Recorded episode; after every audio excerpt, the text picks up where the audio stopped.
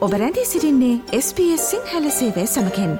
වැඩිතුර තොරතුර දැනැනීමට පිවිසන්න ps.com.ta/ Sinhala වෙපඩවයට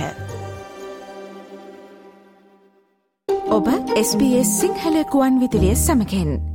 ඔස්ට්‍රලියාවේ කාලින වශයෙන් වැදගත්තන තොරතුරු වගේම විශේෂයෙන්ම තාක්ෂණික වශයෙන් යාවත් කාලන වන තොරතුරුත් අපි SBS සිංහල ගොන්නදිලි ඔස්සේ ඔබට ගෙනේ නව නිරන්තරයෙන්ම.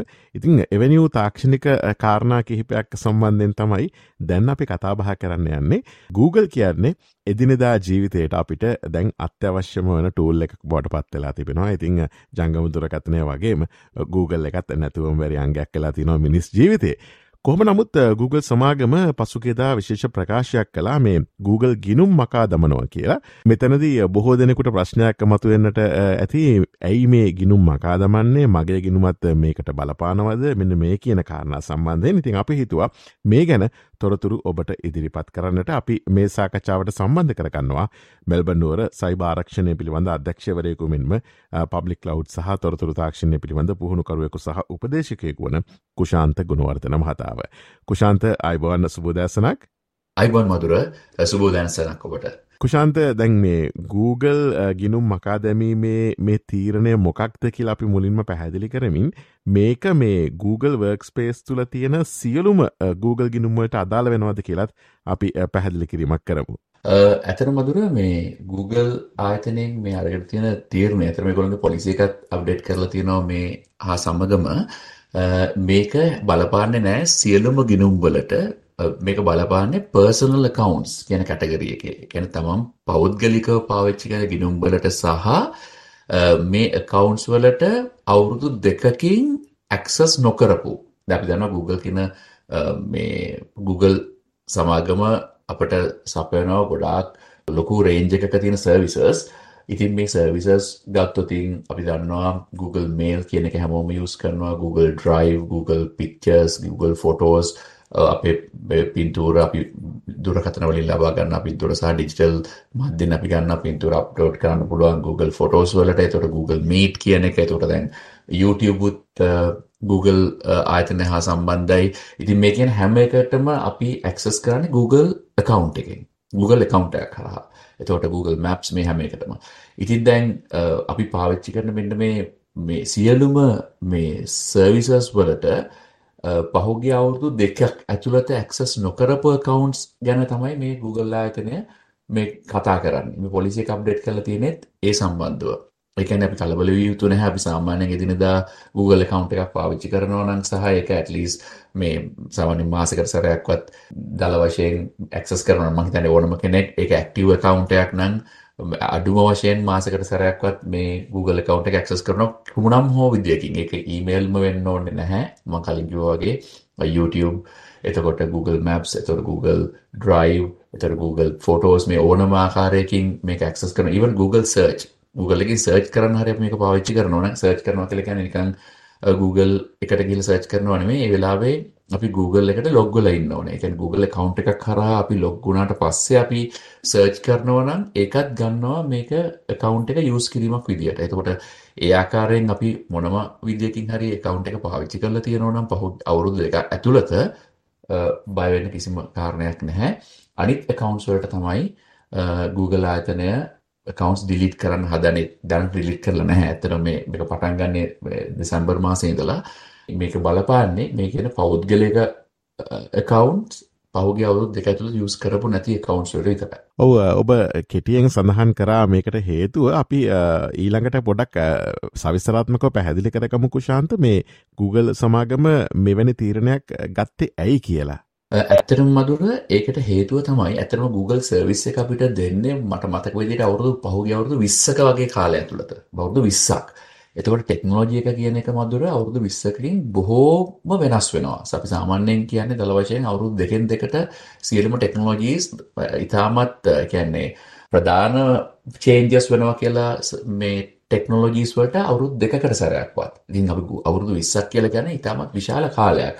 ඉතින් ඔබට මතක ඇති ඔබ ඒ කාලේ මං හිතන්නේ ඔබ account එක open කරාම ඇතර මම මගේ Google account එක open කරන්නේ Google ආයතනය Google ආයතනය පටන් ගත්තු කාලෙන් වගේ. ඒ කියන්නේ අවුරුදු 20කට විතර කලින්.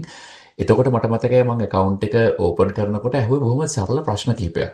මේ account එක create කරද්දී ඒගොල්ලෝ අහන ප්‍රශ්නේ තමයි පළ first name එක second name එක uh, date of birth එක මේල් ෆීමේල් ස්ටේටස් මේ පිරිමිද ගැහනුද කියන එක ඊට අමතරව සිකියුටි කොස්්චන් එකක් රයිට් සිකියුටි කොස්්චන් එකක් අහනවා ඉන්කේස් අපිට පාස්වර්ඩ් එක අමතකුණොත් මේක රීසෙට් කරන්න ඉතින් මේ ඇත්තරම මේ account එකට අහන security questions උත් සමහරවිට දැන් නම් hina යන සුළුයි හේතුව මේ අහපු ප්‍රශ්න තමයි uh, what is your home town මේක එක security question එකක්. ඉතින් එතකොට අපි දානවා මොකක්ද අපේ home town එක. ඊට පස්සේ what is your mother's maiden name? Uh, මව මේ විවාහ වීමට පෙර නම මොකක්ද? ඒ වගේ ප්‍රශ්න තමයි මේක අහන්නේ. අපි ඒවට උත්තර දුන්නාට පස්සේ මේ account එක create වෙනවා. ඉතින් ඒ security questions use කරලා අපිට passwords reset කරන්න පුළුවන්. ඉතින් ඒ දවස්වල දැන මේ තරම් දැන් කාලේ අද කාලේ තරම් අපේ information expose වෙලා නැහැ එළියට. දැන් උදාහරණයක් විදිහට ගත්තොත් අපි හිතමු ඔන්න මధుරගේ මදුරගේ කවුරු හරි කෙනෙක් Google account එක මදුර ඒ දවස්වල හැදුවා කියලා අපි assume කරොත් මදුරගේ පාස්වර්ඩ් එක රීසෙට් කරන්න try කරනවා නම් එතකොට ඒගොල්ලෝ ගියොත් reset my password කියන එක option එකට ගියොත් අහනවා security questions. එතකොට දැන් කවුරු හරි කෙනෙක්ට අවශ්‍ය නම් මදුරගේ මව අපිට මදුර දාලා තියෙන්නේ මවගේ මවගේ මේඩන් නේම් එක කියලා මදර්ස් මේඩන් නේම් කියන ඔප්ෂන් එක නම්. ඒතර අද කාලේ හැමදෙනාම මේ Facebook වගේ අනිත් සෝෂල් මීඩියාවල ඉන්න නිසා මදස් මෙන්නෙන් එක හොයාගන්න එක හරි ලේසි.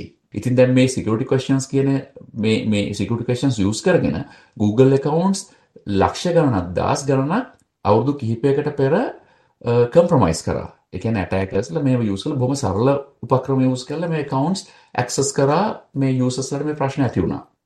ඉතින් ඊට පස්සේ Google ආයතනයෙන් මේ security questions කියන එක strong security questions කරනවත් එක්කම දැන් මේ ළඟදී multi factor authentication two factor authentication එක introduce කරා. ඒ කියලා කියන්නේ ඔයාලගේ Google account එකක් තියෙනවා නම් option එකක් තියෙනවා password එක විතරක් නෙවෙයි multi factor authentication එකක්. ඒ කියන්නේ තමන්ගේ phone එකට one time password එකක් ගෙන්නගෙන ඒක හරහා reset කරන option එකක් දුන්නා. reset කරනවා නම් ඒ වගේම account එක access කරනවා නම් කොට වුණත් multi factor authentication enable කරන්න පුළුවන්. මොකද අද කාලේ password එක කියන එක විතරක් ඉතාම රිලාබල් මෙතඩ් එකක් නෙවෙන නිසා.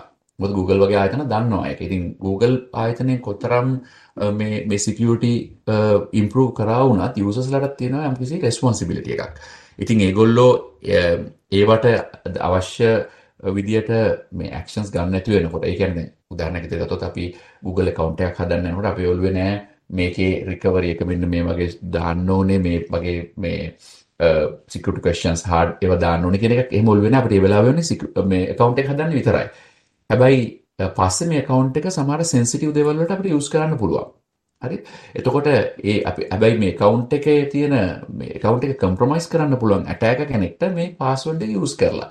ඒතර අපි කවුරුවත් දැන් අපි උදාහරණයක් විදිහට ගත්තොත් මම ප්‍රශ්නයක් අහුවොත් ඔබලාගෙන් ඔයාලා හැමදෙනාටම මම හිතන්නේ මේ අසන්නෝ Google account එකක් ඇති. මොකක්ද ඔබලා දාපු සිකුරිටි කොස්්චන් එක කවුන්් එකට කියලා මහිතන්න කා කිසිම කෙනට මතකයි කියල.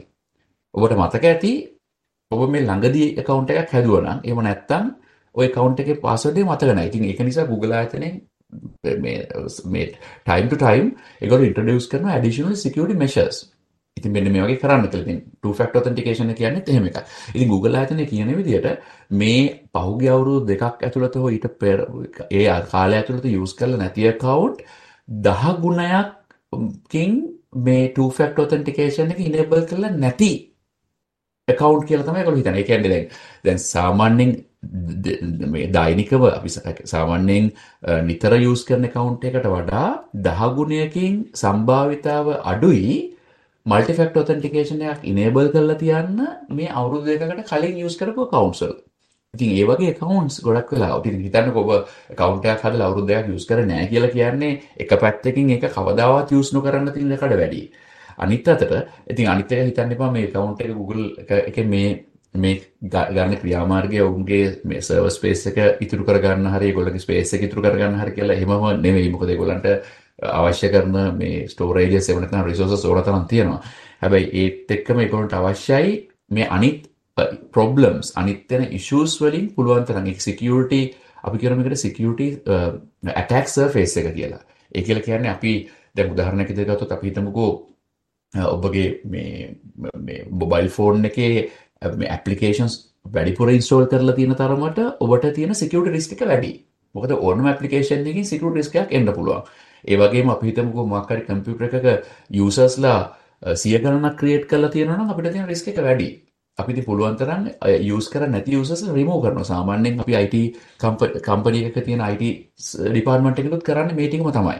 ඉතින් Google ඇත නිරුත් කරන්න හදන්නේ මේ අවුරුද් දෙකකට දෙකක් තුළ යස් කල් ඇතිය කවන්ස් රිමෝ කරලා රිමෝ කරනවා. ඉතින් ඒ කවුන්් ඇත්තරම එකක් තමයි කැන ඔතෙන්ටික් කවන්් නොවෙන්න පුළුවන් ඒකැන සමහරු පාවිච්චි කරනවා හදාගත්තු Google එකකවන්ටයක් යම්කිසි නීති විරෝධී කාරණයකට උදාහරණයක් විදිර ගත්තොත් එහෙම නැත්තන් කවුරුහරි කෙනෙක්ට ඉම්පර්සනේට් කරන්න උදාහරණයක් විදිර ගත්තොත් ඉතින් එහෙම කරලා ඒ account එක අත්හැරලා දානවා. ඉතින් ඒක ආයෙත් access කරන්න නැති නිසා මෙන්න මේ ගණනෙට වැටෙනවා. ඉතින් ගොඩාක් accounts ඒ වගේ. ඉතින් අර අවුරුදු දෙකකට use කරලා නැති accounts අතර තියෙන legitimate accounts ගන්න අඩුයි. තියෙනවා නම් ගොඩක් වෙලාවට කම්ප්‍රොමයිස් කරපු accounts කියලා තමයි Google account එක Google ආයතනය මේකට සැක කරන්නේ. ඒ නිසා මේ අන්නටෙන්ඩ කවස් එමනත් ෆොගොටන් අන්නටෙන්ඩ එකවුන්ට එකැන අපි පස්සවඩ් අමතක වෙලා ඒ ගැන හොයන්නතු තියෙන කවන්ස් අපහෝ යස් කරන්න තියෙන ප්‍රවණතාව අඩුයි වගේම මේක යස් කරන්න පුළුවන් වෙන මැලිෂස් ක්ටිවිටස් වලට ඒක නිසා තමයි ඒ ආයතනය උදාහරණ කෙතරගත්තොත් ස්පෑම් මේල්ස් යවන්න බ්ලක් මේල්ස් යවන් කරන්න ඒත් එක්කම අනවශ්‍ය කටයුතු සඳහා ගැන නීතියානුකූල කටයුතු වලට වඩා වෙනත් කටයුතු සඳහා තමයි මේවා යුස් කරන්න තින හැකියාව වැඩි මේ හැමදේ ගැනම හිතලා තමයි Google ආයතනය ඒගොල්ලන්ගේ පොලිසි එක අප්ඩේට් කරලා ඒත් එක්ක මේ ඩිසිෂන් එක අරන් තියෙන්නේ. එතකොට ඒගොල්ලෝ සිස්ටමැටිකලි තමයි මේක කරන්නේ. එහෙම නැතුව මේ හිටපු ගමන් මේ accounts එක ඔක්කොම delete කරලා දාන්නේ අවශ්‍ය තරම් notifications යවලා එකට ප්‍රොසෙස් එකක් එකොලි ෆොලෝ කරලා තමයි එද කරන්න මදුර. හොඳයි අපි කතා බහ කරමින් පසුයේ මේ Google ආයතනය විසින් Google ගිනුම් මකාදමීමට ගත් තීරණය සම්බන්ධයෙන් මේ ඔබට කොහොමද බලපාන්නේ කියන කාරණ සම්බන්ධයෙන් මේ සාකච්ඡාවට අපි සම්බන්ධ කරගත්තේ බැල්බනුවර සයිභාරක්ෂණය පිළිබඳ අධ්‍යක්ෂවරයකු මෙන්ම පබ්ලික් කලව් සහ තොරතුර තාක්ෂණය පිළිබඳ පුහුණුකරුවෙකු සහ උපදේශකයකු ලෙස කටයුතු කරන කුෂාන්ත ගුණවර්තන මහතාව. කුෂාන්ත බොහොමත්ම සූතිවන්තයනවා මේ වටින අදහස් අපිත් සමඟ බෙදාහදාගත්තට සුබ දවසක් ප්‍රාර්ථනා කරනවා. ඔබට සුබ දවසක් වේවා මధుර බොහොම ස්තුතියි මාව සම්බන්ධ කරගත්තට. SBS SBS SBS SBS SBS SBS Radio මේ වගේ තවත්තොරතුරු දැනගන්න කැමතිද? එහෙමනම් Apple podcast Google podcast Spotify ඔබගේ පොඩ්කාස්ට් ලබාගන්න ඕනෑම මාධ්‍යයකින් අපට සවන්දය හැකේ.